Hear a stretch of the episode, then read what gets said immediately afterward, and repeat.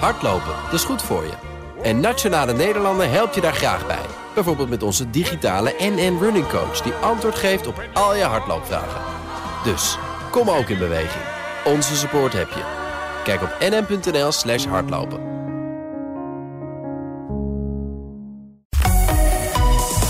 BNR Nieuwsradio. The Big Five. Diana Matroos.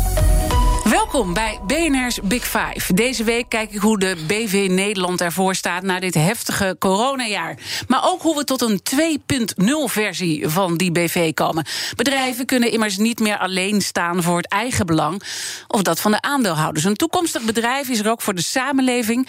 En wat ik dan graag wil weten, hoe ziet dat er nou concreet uit? Want we hebben het er vooral uh, over. Maar hoe moet het er concreet uitzien en hoe lastig is het ook om die omslag te maken? Daarvoor praat ik deze week met de top van Nederland.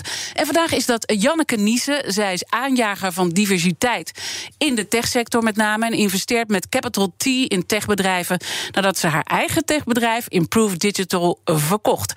Uh, Janneke, welkom. Uh, en meteen maar eventjes leuk een persoonlijke noot. Want Prins Constantijn en Nelly Kroes... dat zijn natuurlijk ook hele belangrijke ambassadeurs...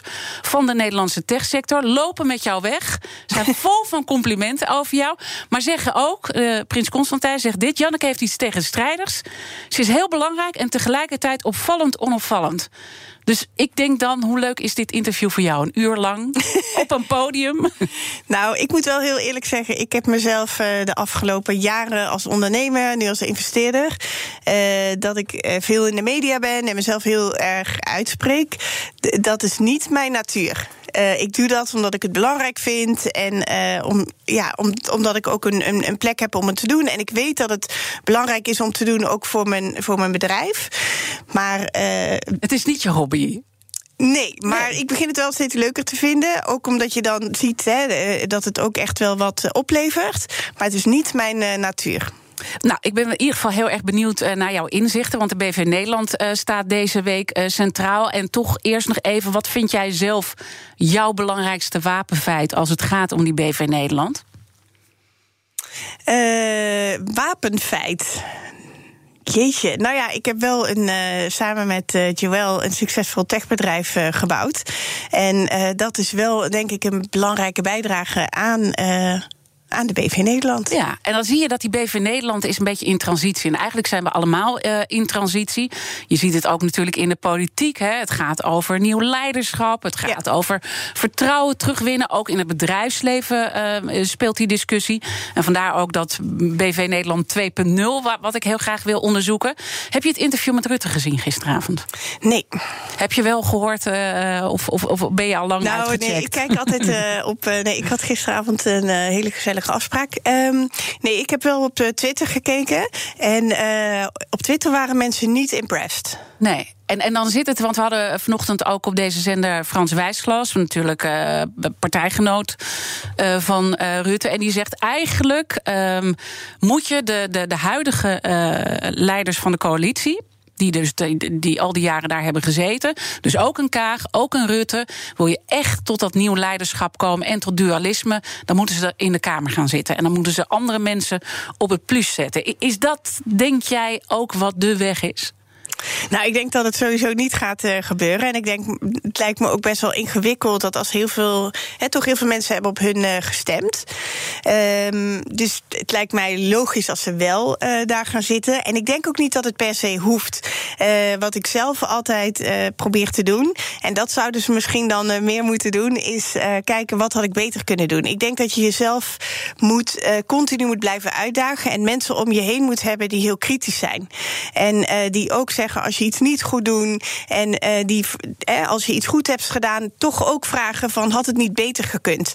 En ik denk dat je, dat je zo'n omgeving voor jezelf moet creëren, zodat je altijd uh, jezelf verbetert. En ik denk dat ze dan best gewoon nog uh, kunnen blijven. Dus ja. hoeven dan niet per se plaats te maken als je maar gewoon meer kritische massa om je heen. Ja, en creëert. het is gewoon, het is wel een democratie. Kijk, we hebben gekozen. Mm -hmm. dus ja. We kunnen wel zeggen, je moet daar dan in de Kamer gaan zitten. Maar ze zijn gekozen om het land te gaan leiden. We komen denk ik straks nog toch wel even op wat punten terug. Want je bent natuurlijk ook aanjager van diversiteit. En daar zitten toch ook wel nieuwe dingen in die we anders moeten doen en anders met elkaar uh, moeten organiseren. Maar ik wil toch ook eventjes ophalen hoe gaat het op dit moment uh, in de techsector.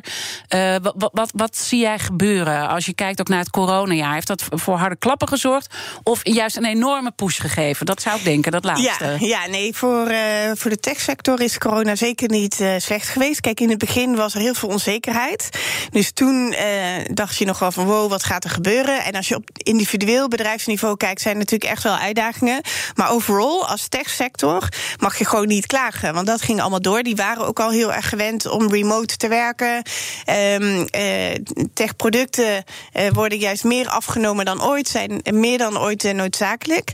Dus op dat vlak ja, mag je natuurlijk in de techsector dit jaar niet klagen. Dus het gaat ook echt nu in versnelling. En dat ja. kan natuurlijk ook voor zorgen dat die sector echt. ja, maar kijk bijvoorbeeld naar onderwijs. Ja.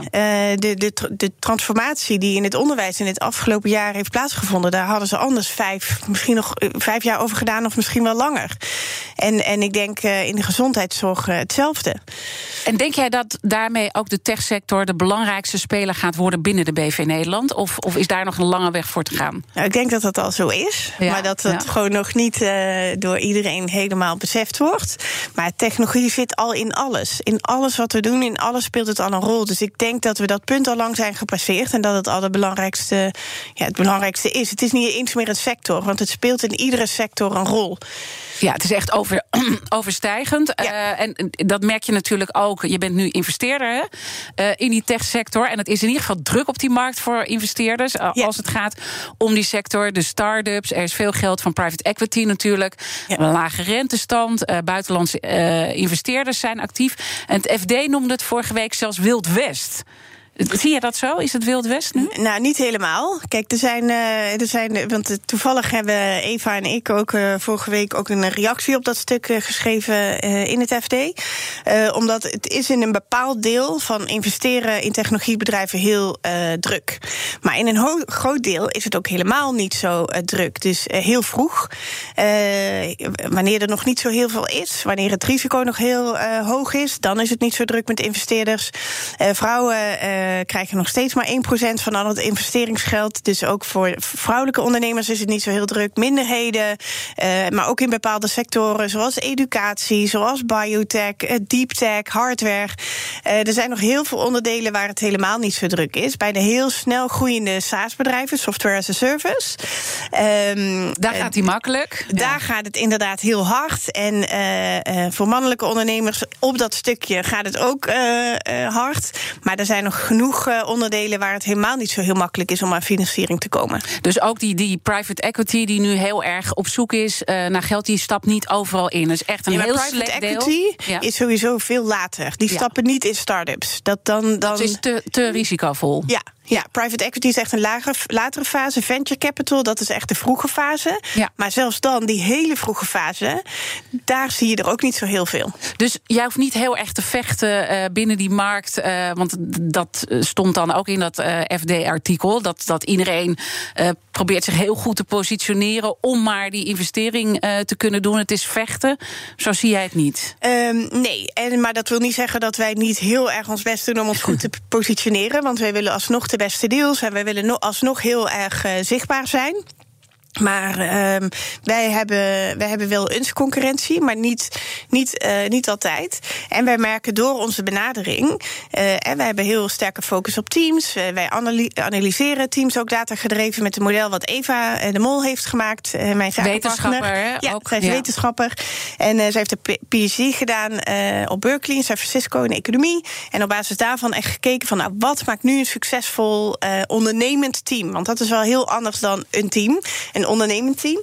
En uh, die, ja, die aanpak, uh, die kunnen heel veel ondernemers die geld ophalen bij, uh, bij ons heel erg waarderen. Dat, dat ik zelf een ondernemer ben en dus weet hoe het is om aan de andere kant te zitten. dat helpt dus. Ja. Als wij in een deal zitten met anderen, dan krijgen wij vaak wel de kans om te investeren. Dus en wat dat is dan jullie laatste investering geweest? Uh, die zijn we nu aan het afronden, dus ik kan de naam nog niet noemen. Maar dat is een climate tech uh, bedrijf in, uh, in, uit Duitsland, Berlijn. Een hele goede vrouwelijke founder. Het is, een, het is een, een wel CEO, moet ik zeggen. Want het team, het founding team zijn twee vrouwen en één man. En zij berekenen eigenlijk voor online retail de carbon emission. Dus uh, nou ja, echt een heel, heel goed team. Heel vroeg nog. Dus, uh, en, en, en, daar heb je dan hogespannen verwachtingen ja. van. Want ik weet dat jullie hebben gezegd... wij zijn echt op zoek naar die unicorn. Die ja. eenhoorn ja. die echt gigantisch groot gaat worden. Hoe, hoe bepaal je dat? Uh, hoe, hoe bekijk je dat van dit zou wel eens heel groot kunnen worden? Nou kijk, als je heel vroeg investeert, zoals wij dat doen... dan kijk je dus vooral naar het team. Want je hebt vaak een team en een visie. En je wil gewoon weten, is dit het team wat he, kan executen op die visie? En uh, dus daar kijken we naar. Maar we kijken natuurlijk ook, wij investeren niet in alle bedrijven. En climate tech is nou een onderdeel waar wij wel mm -hmm. uh, naar kijken. En dan moet het ook nog een softwarebedrijf zijn. En binnen climate zijn, zijn heel veel hardware-oplossingen. Maar daar weten wij gewoon te weinig van. Dus daar zijn wij niet de juiste investeerder voor. Dus wij kijken wel van, nou, past het binnen uh, wat wij doen? En zien wij ook echt dat er groei is? En dan vervolgens, als die, aan die voorwaarden is voldaan, als wij geloven dat het een grote markt kan worden, ja, dan kijken wij echt vooral naar het team. Want je kunt wel naar de cijfers kijken, maar zo'n zo'n ja, zo'n zo'n budget, ja. Uh, ja, je weet gewoon dat het niet uitkomt. En wat is dan belangrijk binnen zo'n team waar je echt op let van, ja, dit, dit is goed? Want dat, jullie hebben daar een hele methode voor. Ja, nee, dus er zijn drie dingen waar we dan naar kijken. Dat zijn bepaalde persoonlijkheidskenmerken, zoals stressbestendigheid, doorzettingsvermogen, echt het passieve ondernemerschap, echt dingen die een bewezen positieve impact hebben op het succes van een bedrijf. Dan kijken we meer naar de, de, de hard skills, dus echt uh, heeft iemand start-up ervaring, failure ervaring, uh, maar ook ervaring in de industrie waar hij of zij werkt. Um, en tot slot kijken we naar de teamdynamiek.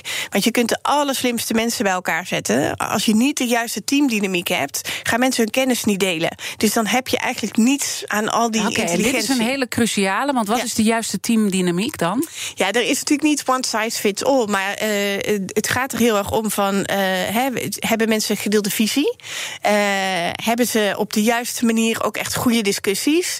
Dus er mag best een beetje conflict zijn, maar dan niet op de persoon, maar echt op de inhoud.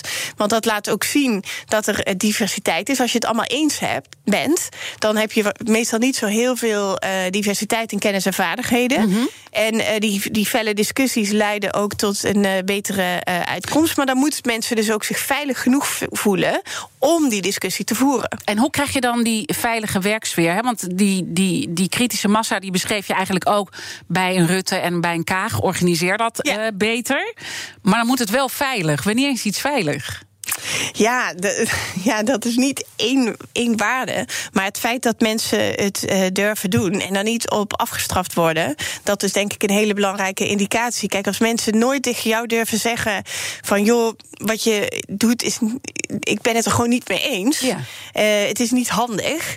Ja, dat, dat is wel een teken. Want niemand is perfect. Dus als jij nooit een weerwoord krijgt. Dan klopt het dan, niet. Dan, nee, natuurlijk niet. Nee, dus, dus dat, dat is goed. Maar misschien wat minder op KPI's sturen. En heel erg op de cijfertjes. Van, of of nou, waar moet kijk, je dan. Want dat, dat, is, dat, dat kan nog wel afstraffend zijn. Ja, nee, maar goed, KPI's zijn natuurlijk wel uh, heel belangrijk. Want het is wel onderdeel van waar ga je naartoe. Ja. Uh, dat wil niet zeggen dat dat niet een veilige omgeving uh, creëert. Ik vind dat het vooral een duidelijke omgeving creëert. Van dit is waar we met z'n allen naartoe dus, okay, willen. KPI's zijn goed, kritiek op elkaar geven is goed. Maar dan moet je toch van mij uitleggen wanneer is het dan veilig. Want we roepen heel makkelijk dingen, maar dit is wel een heel moeilijk aspect om dat goed georganiseerd te krijgen. Ja, dus uh, nou, is misschien een hele andere uh, uh, uitzending aan beide. Nee, het gaat er denk ik om dat als je dingen bespreekt, dat mensen het ook niet meteen persoonlijk nemen, omdat het echt over de inhoud gaat. Dat je gewoon ook weet, hé, hey, wij hebben hier nu straks een hele felle discussie. Maar hè, we hebben allemaal hetzelfde doel, we hebben die gedeelde visie. Dus ook al zijn we het niet helemaal eens, dat heeft verder geen impact op. Dus die gedeelde visie is heel erg belangrijk. Heel belangrijk, ja. ja. The Big Five. Diana Matroos. Deze week praat ik met de kopstukken uit de wereld van de BV Nederland. Zo praat ik later deze week met topfunctionaris Fijke Siebesma. Mijn gast vandaag is tech-ondernemer en investeerder Janneke Niesen. En ik zei het al even bij het begin. Je zet je enorm in voor diversiteit uh, in de sector. En nou weet ik dat er uh, mensen ook een beetje jeuk krijgen bij ja. het woord diversiteit. Dus ik zou nu willen zeggen: zet die radio niet uit. Maar luister naar Janneke. Uh, want wat zou jij tegen die mensen willen zeggen, die denken: oh nee, gaan ze het weer daarover hebben. Ja, nee, en ik herken dat. En, uh, maar ik denk dat mensen dan het gevoel hebben van: hé, hey, dat gaat over die ene persoon op die ene plek.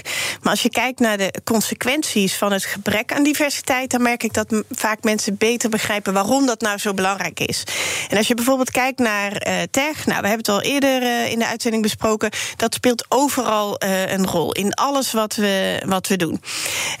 en het is de toekomst. Nou, nu bouwen we die toekomst met een vrij homogene groep. Dat betekent ook dat alle waarde die wordt gecreëerd in, uh, in tech, die ook maar door een vrij kleine groep wordt uh, verdeeld. Dus voor brede welvaart heeft dat consequenties.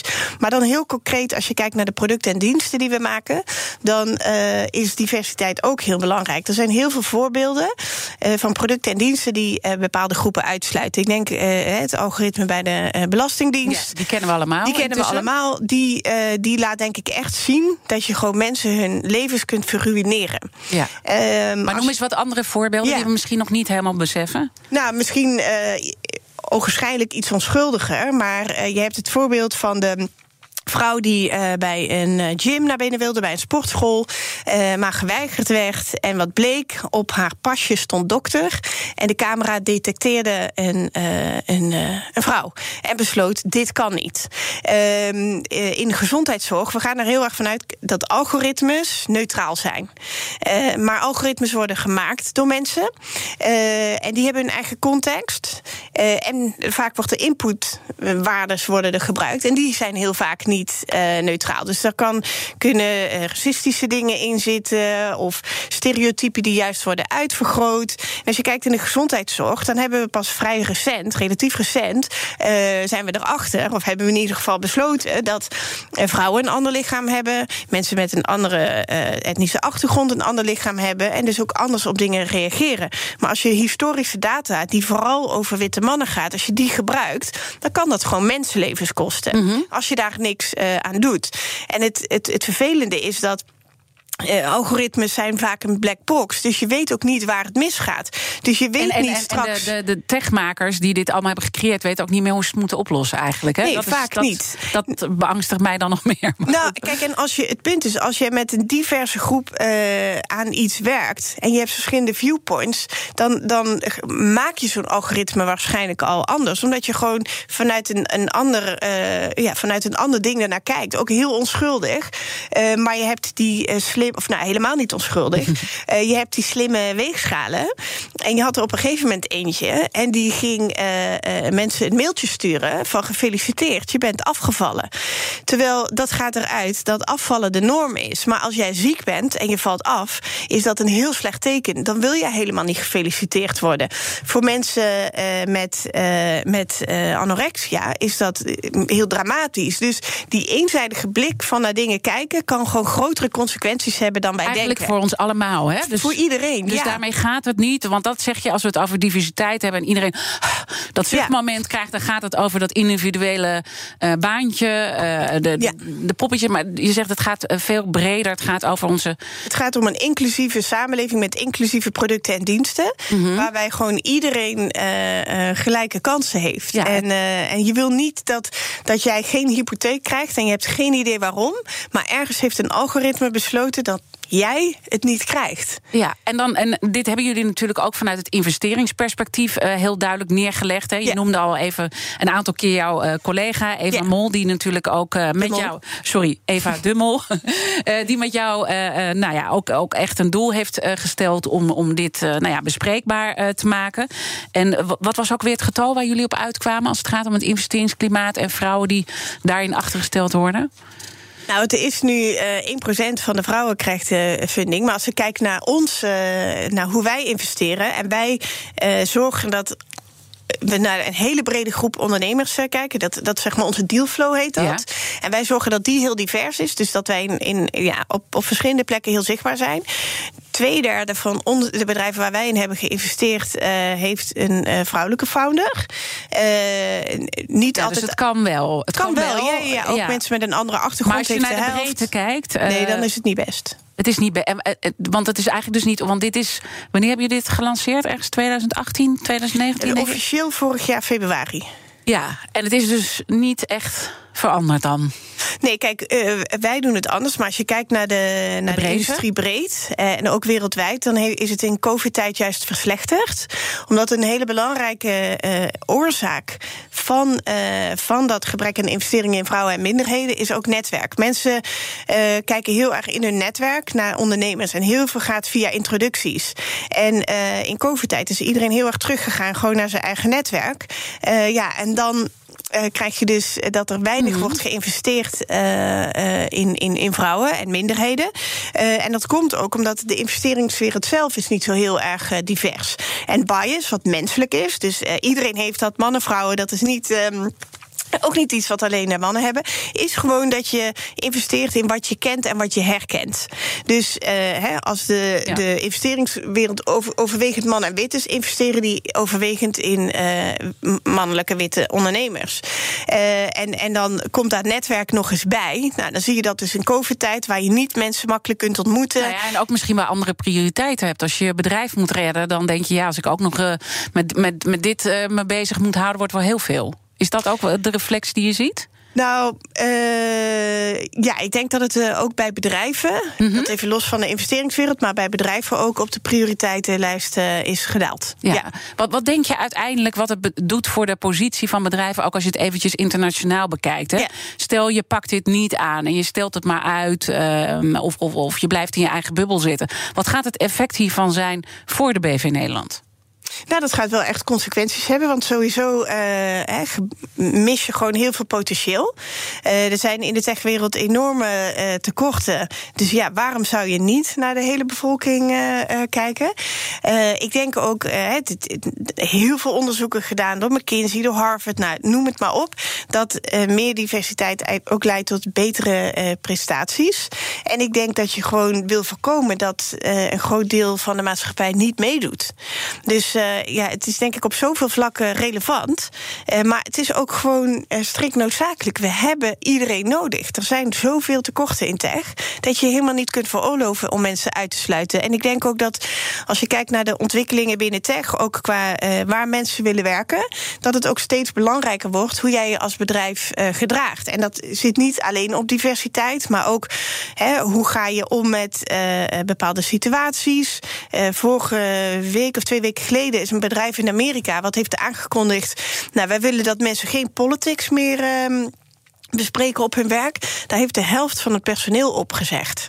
Zo. Dus uh, er wordt gewoon van uh, werkgevers meer verwacht. En daarom vind ik zelf dat we uh, best heel trots mogen zijn op, op een thuisbezorgd. Die wel internationaal een heel goed voorbeeld geven. door hun bezorgers in dienst te nemen. En niet proberen dat allemaal voor zo min mogelijk te doen. maar te zorgen dat hun werknemers gewoon prima voorwaarden hebben. En daar zijn zij internationaal wel echt een voorbeeld voor. En als je kijkt naar andere landen. Dus, dus dit is dan een goede speler vanuit Nederland Nederland. Die, die ja. Nou ja, dat heeft met uh, hoe, hoe, draag je je leiderschap uh, uit en hoe zorg je voor, voor bredere welvaart. Gaan we straks ook nog uitgebreider op in. Maar als je kijkt uh, naar diversiteit en landen die dat die toch een beetje voorop lopen, naar welk land kijk jij dan? Nou, in de, in, Want ik denk niet dat wij dat zijn in Nederland, toch? Nee, maar op techvlak kijk ik niet zozeer naar landen, maar naar individuele bedrijven. Want de verschillen zijn niet zozeer op landniveau, maar meer op bedrijfsniveau. En Salesforce bijvoorbeeld, die, die hebben heel erg voorop gelopen met zeggen van hey, equal pay. En die, die zijn daar heel erg uitgesproken over en uh, ja, promoten dat heel erg. Uh, uh, Spotify zie je weer dat die weer heel erg veel doen voor, voor ouders. dus het is echt een heel wisselend beeld ja. per bedrijf. Mijn gast in in BNR's Big Five van de BV Nederland is Janneke Niese. En uh, straks praten we erover hoe het nou komt dat het zo moeilijk is om toch die omslag te maken. Als het gaat om diversiteit, als het gaat om uh, brede welvaart. En uh, welke learnings jij ons kan brengen om dat wel voor elkaar te krijgen. Tot zo. BNR Nieuwsradio. The Big Five. Diana Matroos. Welkom bij het tweede halfuur van BNR's Big Five. Deze week praat ik met kopstukken uit de wereld van de BV Nederland. En vandaag is dat tech-ondernemer en tech-investeerder Janneke Niesen. We waren net op het punt gekomen van diversiteit. En hopelijk hebben de mensen de radio nog niet uitgezet. Hè, want we weten allebei, het is een uitdagend onderwerp om over te praten. Maar je hebt heel goed geschetst dat het um, vaak heel plat besproken wordt, uh, diversiteit. Heel nauw. En dat het om veel meer gaat. En dat het uiteindelijk in het belang is van ons allemaal. Toch um, zie je dat het allemaal heel moeizaam gaat. Ja. Om die omslag te maken. Hoe komt dat nou? Nou, omdat het gewoon uh, makkelijker is om het niet te doen. Ja. En uh, kijk, als ik. Uh, wij, voor ons is het heel belangrijk bij, uh, bij Capital T. En uh, dus wij ja, doen er actief ons best voor. En uh, wij zorgen dat we heel zichtbaar zijn in verschillende communities van ondernemers. als wij mensen gaan benaderen. En wij zien dat we via één kanaal heel weinig diversiteit in onze sollicitaties krijgen, dan gaan wij meerdere kanalen uh, aanhaken. Dus uiteindelijk hadden wij voor een uh, open rol die we hadden meer dan 600 aanmeldingen, waarvan uh, de helft vrouw was of van andere achtergrond. Dus um, ja, het kan dus wel. Maar je moet heel hard je best doen. Nou, niet eens zo heel hard. Je moet gewoon niet hetzelfde doen als wat je altijd al deed. Want dat heeft dus tot, in veel gevallen tot weinig diversiteit uh, geleid. Uh, dus je moet kijken van, hé, hey, hoe kan het wel? En uh, laatst zei iemand ook van, ja, ik hoop dat ze solliciteren. Ja, dat is natuurlijk geen plan. Nee. Dus als mensen weet, niet weten van jouw bestaan... gaan ze natuurlijk ook niet solliciteren. Dus je moet zorgen dat je, als je het echt wil... want daar begint het wel mee. Sommigen willen het gewoon ook niet. Ehm, dan uh, dan zijn er genoeg mogelijkheden om dat voor elkaar te krijgen. En wat wij bijvoorbeeld ook hebben gedaan, uh, dat is een bedrijf waar wij in geïnvesteerd hebben, ook het Test Gorilla. Die gebruiken wij tijdens onze uh, sollicitatieprocessen, omdat die in plaats van naar het cv naar de skills van die mensen kijken achter de cv. Mm -hmm. uh, en in ons geval, uh, hè, om te investeren, heb je uh, verschillende rollen nodig in het, in het team. iemand die veel weet van, van finance, maar ook mensen die gewoon heel creatief zijn en die heel goed. Um, kritisch kunnen denken, want je ziet heel veel plannen. Nou, creativiteit is nodig om te zorgen dat zoveel ja. mogelijk ondernemers je kunnen dat vinden. Dat is ook weer diversiteit. Hè? Ja. Dat is een ander aspect. Het gaat ook niet alleen om man, vrouw of culturele achtergrond. Het gaat om heel veel. Ja, ja, heel veel zaken. dingen. Ja, en dan ook uh, kritisch denken. Je krijgt heel veel plannen. En die, die ondernemers, dat is hun passie. Dus die kunnen dat heel goed verkopen. Dus je moet daar heel kritisch naar uh, die plannen kunnen kijken. Dus dat zijn dan de dingen waar wij uh, naar kijken in mm -hmm. plaats van naar een cv. En we willen ook niet allemaal mensen met dezelfde type achtergrond in ons team, want dat is niet nodig en dat werkt ook niet goed. Uh, maar door dus die mensen op een andere manier te analyseren, hebben wij uh, mensen aangenomen die we op basis van cv mm -hmm. nooit zouden hebben aangenomen. Dus het gaat om anders analyseren en ja. niet blind staren op het cv, maar gaat het ook om andere vragen stellen bijvoorbeeld? En zie je daar verschillen tussen mannen en vrouwen en de vragen die daar gesteld worden? Nou, dat zie je heel duidelijk ook bij, uh, bij het investeren. Dus hè, vrouwelijke ondernemers en mannelijke ondernemers krijgen heel ander soort vragen. Uh, vrouwen krijgen vaak vragen over het verleden en, en mannen over de toekomst. En als je dus die vragen ook zo uh, beantwoordt, dan uh, ben je dus uh, als vrouw aan het praten over toen, het, toen je nog kleiner was, fouten die je hebt gemaakt, dingen die misgingen. En als man kun je praten over je visie. Nou, dat is een heel ander gesprek. Dus als investeerder moet je goed ja. scherp zijn op je eigen vragen. En als ondernemer moet je dus, als je zo'n vraag krijgt over het verleden, moet je die gewoon omdraaien en gaan praten over de toekomst. Maar ook als het gaat over de toekomst, worden daar ook andere type vragen gesteld? Worden bij mannen meer naar kansen ge gevraagd en naar vrouwen meer naar de risico's beperken? Ja, nee, absoluut. Dat zijn... Want dat is dan denk ik de volgende valkuil. Ja, en er is gewoon een bepaalde, bepaalde bias. Dus hè, een, een, een, een jonge man die wordt gezien als uh, talentvol mm -hmm. en een jonge vrouw als onder, onervaren. En uh, ja, dat, dat is nou eenmaal zo. Dus je, hè, je moet je daar gewoon heel erg bewust van zijn, zodat je daar anders mee omgaat. En echt zorgt dat je naar iedereen op dezelfde manier kijkt. En vooral omdat je gewoon heel veel kansen laat liggen. Het is natuurlijk niet zo dat alleen mannen goed zijn in ondernemen. Die, die, ik zeg altijd, die, die kansen die zijn, die, die talenten zijn universeel. Maar de kansen die mensen krijgen niet. Want die worden gewoon heel erg geblokkeerd door die en je bias. beperkt dus als bedrijf ook je eigen kansen. Als je, dat, hè, als je die talenten niet binnenhaalt. Uh, iets anders wat je dan ook heel vaak hoort. Ja, maar vrouwen helpen elkaar ook niet. En er zijn ook wel uh, onderzoeken waar soms ook uit blijkt dat er nou ja, toch ook vrouwen betrokken zijn uh, bij selecties. En dan toch ook niet meer vrouwen naar voren komen. Wat is daar nou van waar en, en, en niet van, vanuit nee, jouw ja, dat, ervaring? Ja, dat originele Queen Bee-onderzoek, want daar gaat het dan over. Die komt geloof ik uit 1953. Oh, dat is ook leuk. Daar, daar houden we dan aan vast. Ja, daar houden we dan nu nog aan vast. En daar is al heel veel commentaar op gekomen dat het eigenlijk ook niet uh, zo is. Ik zie juist ook uh, gelukkig dat vrouwen elkaar heel erg uh, helpen. vrouwen ook graag willen dat anderen succesvol zijn. Hè, bijvoorbeeld nu als vrouwelijke investeerders zitten wij ook in een, in een groep met internationale vrouwelijke investeerders.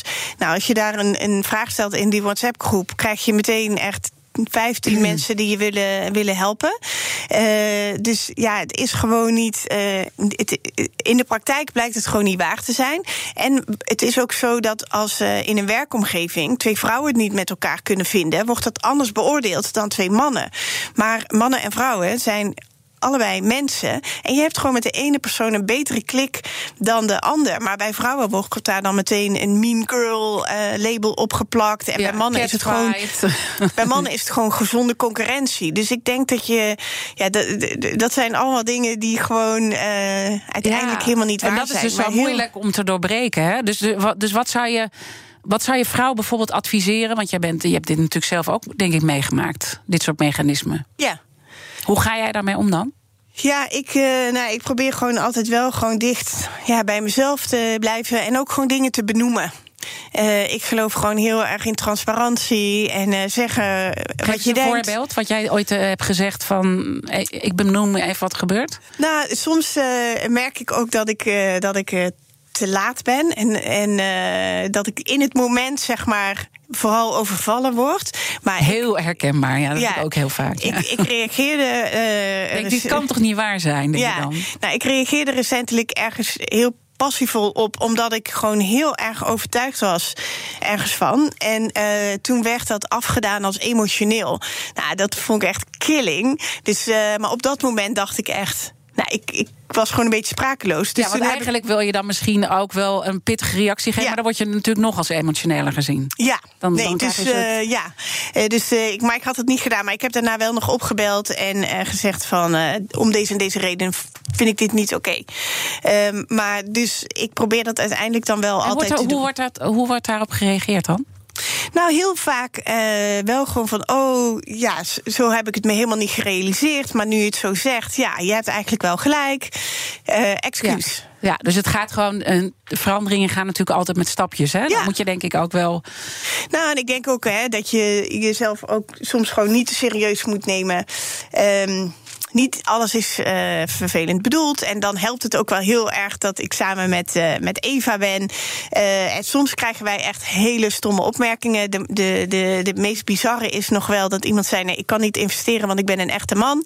En mannen houden van, in, in ons dan, omdat wij vrouwen zijn, mannen houden van cijfers en vrouwen niet. nou, dan is het heel lekker dat je met z'n tweeën bent, want dan kan je gewoon wel even heel hard om lachen. Want het is natuurlijk heel gênant dat anno 2021 dit soort uitspraken Uh, en dit was denk ik niet zomaar iemand, want jullie nee. praten wel met uh, ja. uh, nou, ja. mensen die op invloedrijke posities zitten. Ja, Wat maar... hebben jullie gezegd dan? Nou, uh, Eva zei, ik ben afgestudeerd econoom, dus ik denk dat het meevalt. dus die was op dat moment gelukkig wel heel erg scherp. En, maar weet je, dit soort dingen gebeuren. En je moet daar gewoon niet te lang bij stil blijven staan. Bij proberen ook echt, zeg maar, hè, die bewustwording op, op, hè, te, te, creëren. En te zorgen dat dingen beter worden voor, voor mhm. eh, vrouwelijke investeerders en vrouwelijke ondernemers. Maar op zo'n individueel niveau uh, moet je soms ook gewoon omlachen en weer door. Want je verandert niet iedereen. Nee, maar je probeert wel overal in te prikken. En uh, vrijdag is Fijke Siebesma mijn gast. Hij is lid van de commissie die de voorstellen die binnenkomen voor het Nationaal Groenfonds. Hè. Beter bekend als het Wopke Wiepke Wiebes, Wopke Wiebesfonds, waarom hebben ze dat zo eh, benoemd, uh, beoordeeld. Uh, als jij dan kijkt naar die commissie, hebben die dan wel oog voor diversiteit? Want dat is natuurlijk ook heel belangrijk, dat die investeringen vanuit de overheid, dat die dan wel aan dat soort voorwaarden voldoen. Ja, ik, toen ik die commissie een jaar geleden bekeek, dus ik weet niet de meest recente, vond ik hem niet heel divers. Wel op mannen-vrouwen, maar verder zat er, nou had het wat mij betreft wel wat uh, diverser uh, gemogen. En ik denk dat het vooral heel belangrijk is voor het Nationale Groeifonds dat er een keuze wordt gemaakt. Want het klinkt als heel veel geld, maar het is niet heel veel geld. Het is ook zo op. En ik denk dat je vooral heel duidelijk moet kiezen van nou, dit wel en dit niet. Zodat ook mensen die het aanvragen weten wat en hoe. Dat je ook snel beslist. Want in die investeringswereld, uh, wij moeten soms deals echt binnen, binnen een paar weken helemaal afronden. Dus je moet daar ook niet een te lang proces van maken. Die tijd heb je niet in het internationale concurrentieveld. Uh, dus ik denk dat dat wel uh, een aantal belangrijke dingen zijn. Dus uh, diversiteit, snelheid. Zou je een vraag willen stellen voor Fijke?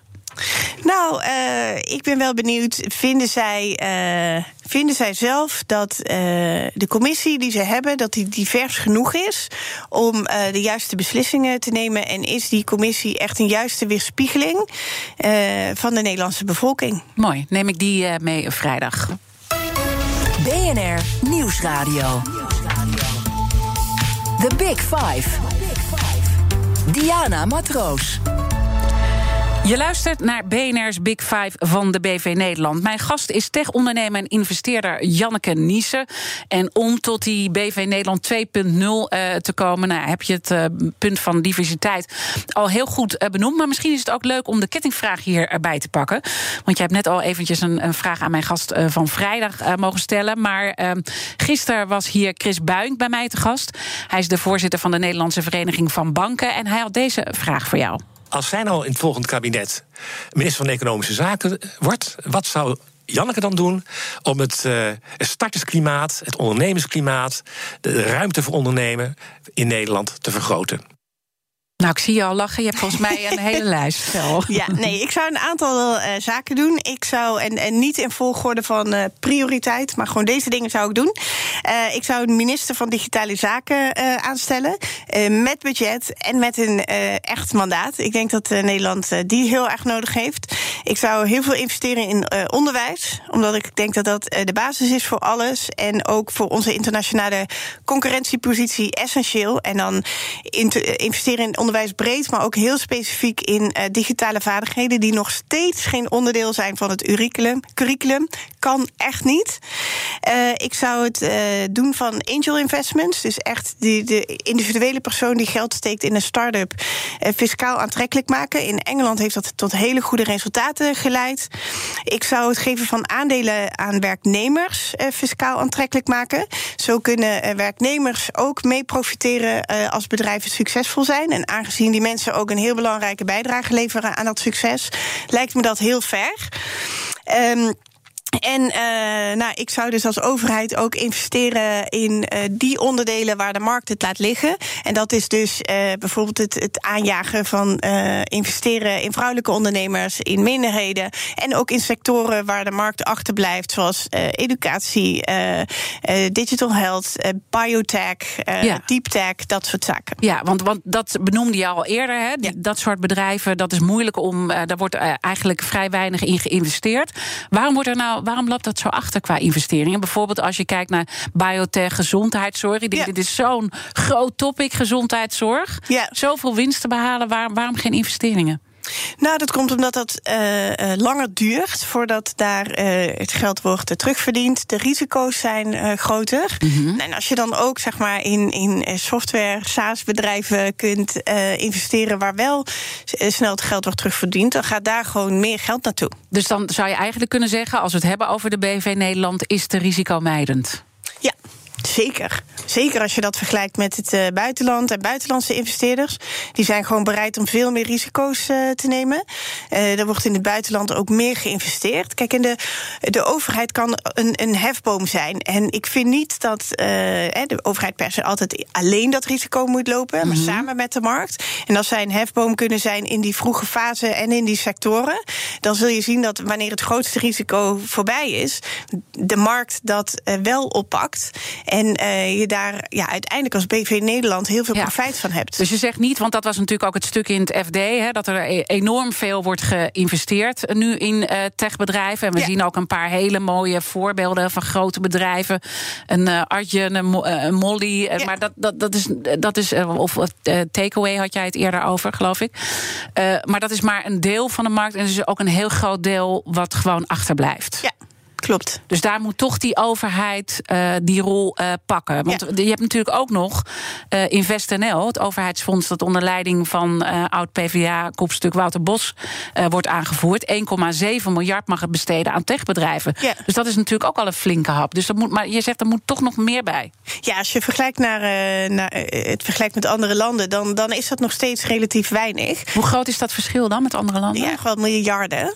Ja. Uh, en dat zit hem vaak ook in de hele uh, keten, waar uh, onderwijs heel belangrijk is. Als je kijkt naar Canada, die hebben echt miljarden in onderzoek op het gebied van AI geïnvesteerd. En nou, dat trekt natuurlijk weer veel bedrijven aan en weer, kap weer kapitaal. Dus dat heeft allemaal een ja. versnellend effect. En dan dus kom je eigenlijk ook bij het punt wat je eerder benoemde: van die techsector is het belangrijkste voor de BV Nederland. Ja. Maar, en en, en het zit al overal in, maar mensen hebben dat toch niet helemaal door. Is dat toch nog wat, wat het probleem is? Ja, nee, absoluut. Nee, als ik ook in mijn omgeving kijk, eh, mensen die niet in de techsector zitten, en ik praat bijvoorbeeld over digitale vaardigheden in het onderwijs en waarom dat zo relevant is. Je zit ook in de raad van advies van Future NL. Hè? Dat is ja. een stichting die digitale vaardigheden bij kinderen wil bevorderen in samenwerking met scholen. Ja, en eigenlijk hebben zij een heel curriculum eh, gemaakt. Dus het is, en heel veel scholen gebruiken dat al. Maar tot dat verplicht onderdeel is van het curriculum, uh, krijgen dus niet alle kinderen dat. En heb je dus een grote verschil tussen de haves en de haves not. Have nots. En uh, het is zo belangrijk dat we al zorgen dat op die jonge leeftijd die kinderen dezelfde kansen krijgen.